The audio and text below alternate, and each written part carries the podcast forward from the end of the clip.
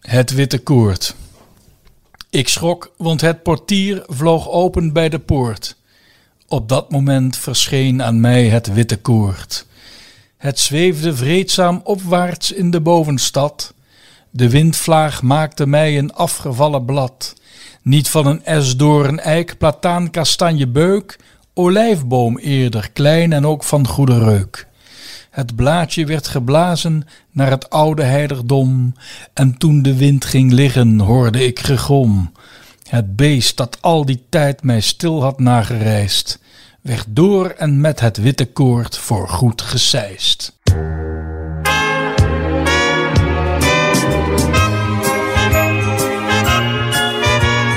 Welkom luisteraars bij weer een nieuwe aflevering van De Roomse Loper. Mijn naam is Christian van der Heijden. En ik ben Stijn Vens. Stijn, jij bent onlangs in de stad van de Witte Koorden geweest. Ja, Assisi.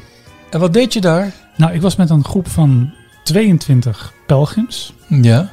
Op Pelgrims of religieuze toeristen?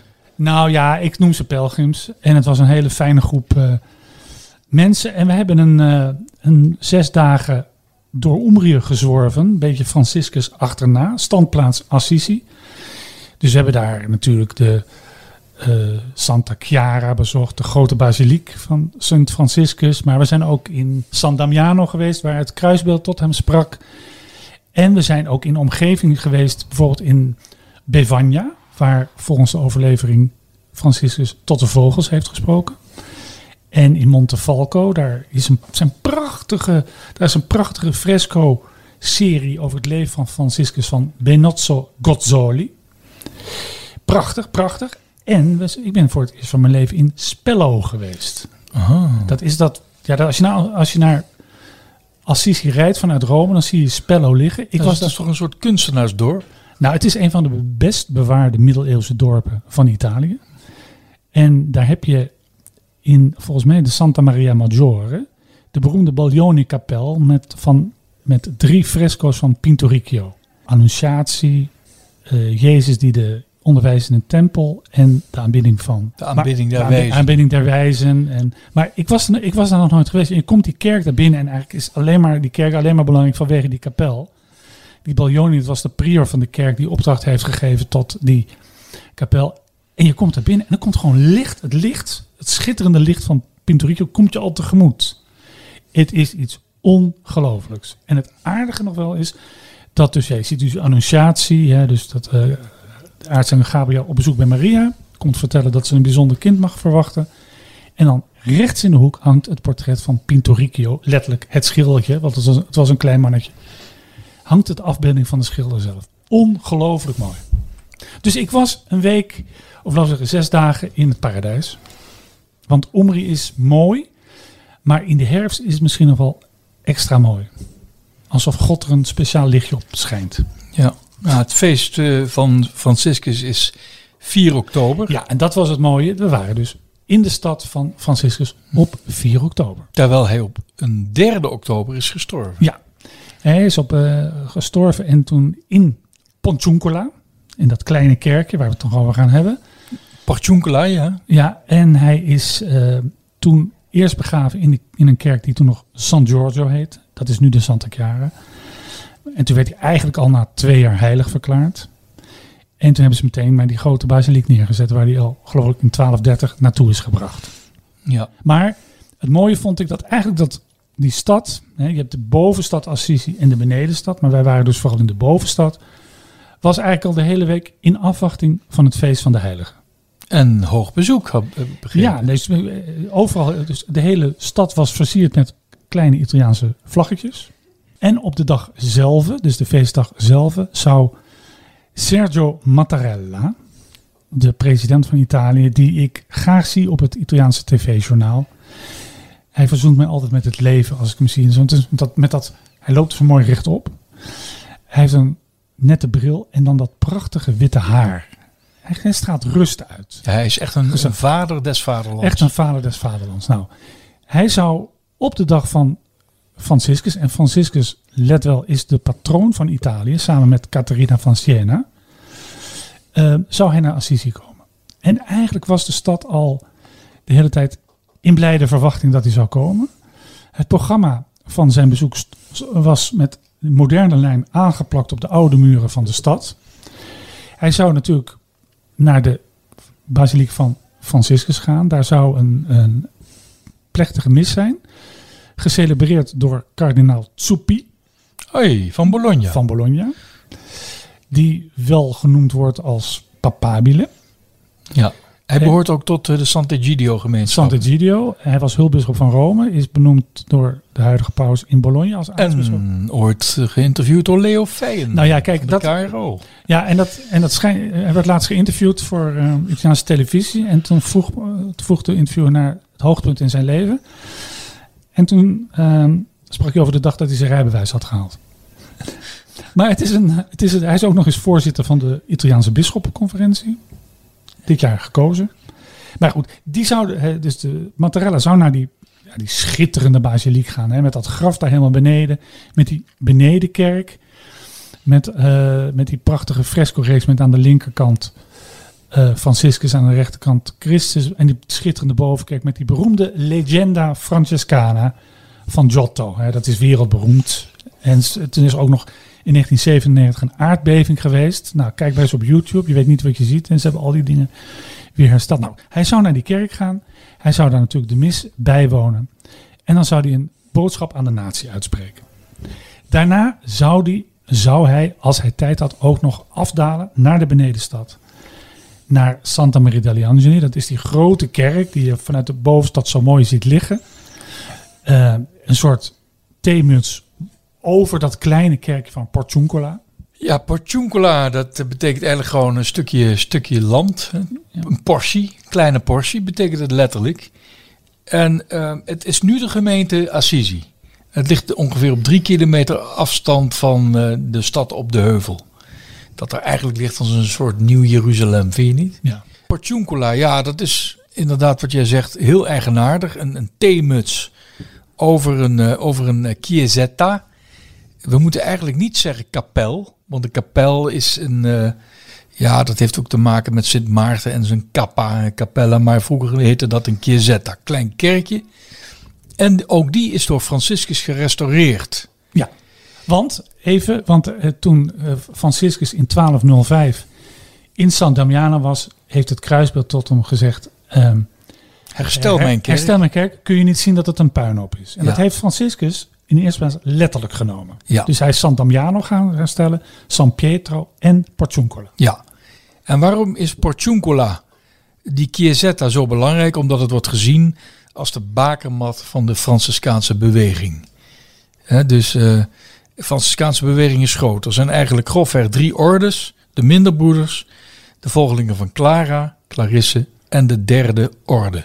Dat zijn eigenlijk leken die de armoede eh, proberen te beleven in de wereld. Ik heb trouwens het idee dat eh, iedereen eh, van die Franciscaanse beweging in de wereld leeft. Behalve dan de Capuchinessen en de arme klaren. Ja, ja. Ja, die, die, dat zijn nog echt hardcore monialen. Moet je even uitleggen, Christian, voor onze protestantse luisteraars. Wat? Moni, wat monialen geval, zijn. monialen zijn vrouwelijke monniken. Oh, oké, vandaar ja. Ja. Het is trouwens een ontzettend lelijke kerk, vind je niet? Die, die, die basiliek boven de Chiesetta. Maar in ieder geval, het is wel een pauselijke basiliek. Ja, Eh pauselijk heet het sinds dat Benedictus XVI de titel eh patriarch van het West heeft afgeschaft. Maar officieel heeft het de naam Hoogheilige Patriarchale Basiliek van de Heilige Maria der Engelen in Porciuncola, hoofd en moeder van de Orde der Minderbroeders. ja. Ja, dus zoals je had het net over de, de Sint Franciscus Basiliek eh, in de bovenstad. En die wordt beheerd door eh, de bewoners van het Sacro Convento. ja. En dat zijn de minderbroeders conventuelen. En, en, en- en toch even leuk om te vertellen, omdat namelijk deze, dat, eh, die Porciuncola, die is op 2 augustus opnieuw gewijd. 2 augustus 1216 opnieuw gewijd door bisschop Guido van Assisi. Eh, 2 augustus was dus de feestdag, en is het eigenlijk nog steeds, van eh, de heilige Maria ter Engelen van Porciuncola. En op 2 augustus 1769 ontdekte de Spaanse Franciscaan Juan Crespi in Californië een rivier. En die noemde hij naar Maria van Porciúncula. En, eh, en daar werd ook een dorpje gesticht. En dat dorp heette El Pueblo Nuestra Señora la Reina de Los Angeles del Rio de Porciúncula. Hence Los Angeles. Los Angeles. Hè, Hollywood. de engelen, Maria ter engelen. Ja. Dat vind ik altijd leuk om te Nee, vertellen. het is aardig, is dat, want ik reed met de bus vanaf de bovenstad naar de benedenstad, naar Santa Maria degli Angeli. Ja. Je hebt daar een hotel Los Angeles en een via Los Angeles. Weet je waarom dat het ook belangrijk is om dit juist nu te verte- eh, vertellen? Omdat eh, het binnenkort Allerzielen is. Ja. 2 november. De dag na Allerheiligen, Allerzielen. Nu we het toch over hebben, Christian, jij weet zoveel. Vertel me even, nou, wat is, want mensen weten dat niet altijd. Wat is nu het verschil tussen alle heiligen en alle zielen? Nou, Allerheiligen, dat gaat over alle heiligen. Daar worden alle heiligen gevierd. Ook degene die niet zijn gecanoniseerd. Ja. Hè, de, bijvoorbeeld mijn oma. Ik noem maar iemand. En Allerzielen, dat zijn eigenlijk de bewoners van het vagevuur. Om het maar eens plastisch uit te leggen. Op Allerheiligen wordt er vooral vereerd. En op Allerzielen wordt er al gebeden voor de zielen. Nou, tegenwoordig is dat niet meer, zeker niet in Nederland. Want eh, op Allerzielen dan gedenken wij vooral onze geliefden. En dan gaat het over, eigenlijk over je eigen verdriet. En, en wat een geweldige persoon degene was die zojuist is overleden. Of al een tijdje langer is overleden. Maar vroeger was Allerzielen vooral een dag dat je iets deed voor je dierbare overledene. Je ging ermee aan de slag door missen op te dragen. Oftewel door aflaten te verdienen. En wat ik nou zo aardig vind, dat vaak zie je, dat eh, eh, christelijke feesten seculariseren, maar eigenlijk dat alle zielen is eigenlijk terug in de seculiere maatschappij gekomen en heeft daar een vlucht genomen. Heel veel plekken in Nederland gaat men nu op eh alle zielen naar het kerkhof. Daar zijn lichtjes, daar is warme chocolademelk, daar is muziek. Ja, dat heeft natuurlijk met de oorspronkelijke betekenis van alle zielen niets te maken. Maar dat, dat feest heeft eigenlijk een, een overstapje gemaakt van de kerk naar de maatschappij. Ja, ik denk ook dat het te maken heeft met het woord. Allerzielen is een prachtig woord, vind Ja. je niet? Prachtig woord. Dat speelt, spreekt tot de verbeelding. Maar we gaan even terug naar de link met Assisi. Omdat namelijk eh, vroeger kon je dus ook een zogeheten toties quoties aflaat verdienen. En wat is dat nou? Dat is een aflaat die je zo vaak als mogelijk kunt verdienen. En een aflaat, dat is eigenlijk een manier om de, de zonden die niet zijn uitgeboet af te kopen, toch? Nou, niet direct af te kopen, maar dat is een. Oh. eh, dat verkrijg je ter kwijtschelding van de straffen die je nog moet uitboeten in het hiernamaals, voordat je naar het hemelrijk gaat. Maar ik weet wel waarom ik het woord afkopen gebruik. Omdat voor de Sint-Pieter, prachtige kerk, eh, zijn ook aflaten verkocht. Ja, ja, dat was natuurlijk wel een handel, ja. Ja, en dat is, dat, daarom gebruik ik het woord Ja. afkopen. ja Waarvan akte? Een Waarvan groot, akte? een groot schandaal. Ja. Groot schandaal. Maar in, we gaan terug naar de link met Porciuncula. Het is namelijk zo, eh, op een gegeven moment is die aflaat van Porciuncula, daar ga ik zo meteen meer over vertellen, die is door een paus is die verbreed naar alle kerken die op alle zielen worden bezocht. Dus vroeger ging men dan ook op de wijze van het gebruik in Porciuncula de kerk in, de kerk uit, de kerk in, de kerk uit. En eh, zo vaak als mogelijk, hè, toties quoties, om maar zoveel mogelijk verdiensten te genereren voor het heil van je geliefde dierbare in, de, in het vagevuur. Goed, en dat gebruik in Vlaanderen en eh, in Nederland werd dat gebruik genoemd pensioenkelen. Ja, En mooi, mooi woord, en dat, dat heeft natuurlijk te maken weer met porciuncula. ja prachtig. En die porciuncula aflaat, ja, die, eh, die werd gegeven aan Franciscus, of eigenlijk die werd gegeven aan de gelovigen op voorspraak van de levende, toen nog levende Franciscus. Die zou een verschijning hebben gehad van Christus. En Franciscus die leed echt aan het leed Ja. van, zijn, van zijn medemensen in het vagevuur. Die zei, kunt u nou niet eens... En Christus zegt, nou je vraagt wel veel. Ik zal over mijn hart strijken. En toen is eh, de Porciuncula aflaat in het leven geroepen. En die kun je dus ook verdienen door op, op de dag, op die 2 augustus. Zeg ik dat nou goed, 2 augustus? Nee, volgens mij is het, in de, het is vanaf de Vespers van 1 augustus tot en met de voor, Vespers van 2 augustus. Oh ja, ja. Dan, dan is die bijzondere aflaat te verdienen. En die is op een gegeven moment uitgebreid naar alle kerken in de wereld op alle zielen.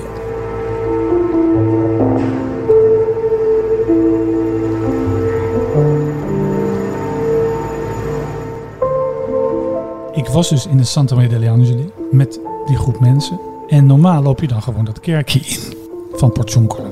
Wat heel bijzonder is, want je voelt dat dakje van het kleine kerkje. Maar je voelt steeds nog die grote themens over je heen. Het is een heel bijzonder gevoel. Nou, we wilden in, maar dat kon niet. We werden tegengehouden. Dus ik loop naar zo'n bewaker toe. Ik zeg, wat is er aan de hand? Uh, waarom kunnen we niet doorlopen? Ja, dat is vanwege de feestdag. Nou, dus wij is. Dus ik, uh, ik ga achterin zitten en ik zeg tegen mijn groep, nou, om, uh, wat was het, kwart over twaalf, allemaal weer buiten. En dan gaan we weer weg. En er was daar een groot videoscherm. En dan zag ik ja, een soort donkere ruimte. En ik dacht, dat is natuurlijk de grote basiliek van Franciscus in de bovenstad. Waar de president op bezoek is. En die gaat natuurlijk even dat, de tombe bezoeken in de crypte van de basiliek. Maar goed, ik zat er dan opeens klinkt applaus. En zie ik in dat scherm, zie ik plotseling Sergio Mattarella, de president. Ik denk, nou die, dat, veel, die mensen zien dat scherm en die denken, god wat mooi, hij gaat nu naar het graf van de heilige. Tot er een van mijn uh, groepsleden komt die zegt, de president is er. Hij is hier. Nou, toen ben ik, als het toch een magneet, werd ik naar die Portsunkela getrokken. En ik kon het niet goed zien, maar ik kon wel dat scherm zien. Daar stond Mattarella in dat kleine kerkje. Hm. Hadden het doorkerk. Hij was eigenlijk daar voor ons. Hij was onze getuige. En het was stil. Zo perfect stil. En ik dacht eigenlijk, ja, ik ben nogal romantisch ingesteld. uh, het, het, was natuurlijk spannend in de wereld. Oekraïne zit toch de hele tijd in je achterhoofd. En het was even alsof in de stad van vrede, want dat is Assisi, de vrede daadwerkelijk voor onze ogen tot stand kwam. Je zag niks, je zag alleen maar het silhouet van Sergio Mattarella in de Porciuncola. En het enige wat glanste was zijn schitterende witte haar. oh, wat mooi hè. Ja. ja, jij bent echt een romanticus. Ja. Ja, en jij bent uh, bij een nieuwe heilige geweest in Assisi. Nou, een nieuwe zalige. Ja, ja, maar die is natuurlijk al heilig, maar nog niet gecanoniseerd. Ja. Nee, als je naar Assisi loopt, kun je ook naar de Santa Maria Maggiore. Dat is, die ligt naast het bisschoppelijk paleis. En voor de mensen die het verhaal van Franciscus een beetje kennen, daar heeft het grote nee plaatsgevonden, de ontkleding. Hè? Franciscus kleedt zich helemaal uit ten, ten overstaan van zijn vader en de bisschop, geeft alles terug en wil, neemt afstand van zijn vader. Hij zegt letterlijk, nu kan ik, daad, ik, nu kan ik daadwerkelijk zeggen, mijn vader woont in de hemel, want die man daar, Pietro di Bernardone, is mijn vader niet meer. Het grote nee. Dat is gebeurd bij dat bisschopshuis voor de Santa Maria Maggiore. Nou, dat is een prachtige kerk. Die kerk heeft er eigenlijk een ster bijgekregen. En die ster, dat is Carlo Acutis. Hoe? Carlo Acutis. Dat is een jongen die is... Nog één keer. Carlo... Carlo Acutis. En die naam moeten we echt onthouden. Hè? Ja, die naam moeten we echt ja. onthouden. Dat is een, een jongen die is geboren in 1991 in Londen. Uiteindelijk gestorven in Monza op 15 jaar, 15 jarige leeftijd, geloof ik. Die Carlo Acutis, die had een bijzondere fascinatie. Namelijk voor eucharistische wonderen. En waar moeten we dan eigenlijk aan denken? Nou, bijvoorbeeld het uh, hostie-mirakel van Amsterdam. Ja, ja. Dus het was, een, het was bij leven een bijzondere jongen. Hij is gestorven aan leukemie. En we kunnen zeggen dat hij gestorven is in de geur van heiligheid. Die jongen was zo ziek. En uh, moet je nagaan, en, en, zo katholiek. En hij droeg zijn lijden op als offer aan God. Omwille van paus Benedictus XVI en het heil der kerk. 15 jaar. Leuke, leuke jongen. Altijd in trainingspak. Er zijn ook in Italië tal van beelden van hem. Hè, dat hij een trainingspak aan heeft. En hij is tot de eer der altaren verheven in 2020. Dat betekent zalig verklaard. En er ligt dus ook in een altaar. En dat altaar heb jij bezocht. Ja. En dat was open voor die gelegenheid. Dat was open voor die gelegenheid. En hoe ligt hij daarin? Ja, daar ligt hij in. eh, ja, dus je ziet gewoon een jongen liggen met blosjes op zijn wangen. Met een trainingspak aan. Tenminste, een, een ja, sportkledij.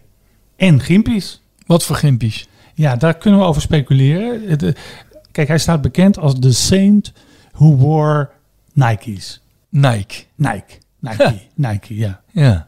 Eh, dat kan ik niet, heb ik niet eh, vastgesteld. Maar nee. maar, misschien moeten we dan ook even een ander merk noemen. Niet dat mensen denken dat wij het had ook, het had ook Adidas kunnen zijn of Ja. Puma of weet ik veel. Mhm. Ehm, maar het is, het is een heel bijzonder gezicht om een jongen van 15 in een kist te zien liggen die duidelijk dood is. Ehm, toen hij werd zalig verklaard in 2020, toen hebben ze dat graf al opengemaakt. En toen is daar ook een webcam opgezet. Dus je kon 24 uur per dag, kon je met je telefoon of met je iPad of met je laptop, kon je bij Carlo Acutis zijn. En ik weet nog goed dat ik daar dat toen deed. Het was volgens mij 11 uur 's avonds. Ik was alleen thuis. Buiten regende het. En ik ging naar mijn laptop. En ik, daar zag je Carlo Acutis liggen. Er was een mooi lichtje op hem. Daar lag hij. En wij waren met z'n tweeën. En ik vond dat zo een bijzonder intiem moment. Om met zo'n zalige jongen. Wat een verdriet trouwens voor die ouders. Maar tegelijkertijd wat een wonder dat, dat hij zalig verklaart. We waren samen. En ik merkte aan mij, toen ik daar binnen liep nu, want ik dacht nou, dat gaf is weer dicht, want ze hebben het op een gegeven moment weer dichtgemaakt. En het was weer open. En ik merkte wat het deed met, met de mensen met wie ik op reis was. Die waren allemaal aangedaan. Nou, begrijpelijk. Ja, want kijk, er zijn verschillende heiligen in glazen kisten in Italië. En soms zelfs een eh, hele kleine heilige of zelfs een kind. Maar dit is, dit is van onze tijd. Dit is echt een heilige van onze tijd. En dat maakt het ook zo bijzonder. Ja. Eh, Dus nog even terug te komen op het onderscheid tussen Allerheiligen en Allerzielen. Op Allerheiligen vereren we ook hem. Ja. Maar op Allerzielen we- bidden we niet voor hem. Nee, want hij dat is heeft er- geen nut, want Nee, hij is er al. Ja, ja. Ja. Ik wil trouwens nog één keer eh, de website noemen die hij heeft gecreëerd. ja. En dat is een Italiaanse website. miracolieucharistici.org ja. miracolieucharistici.org Zonder streepjes.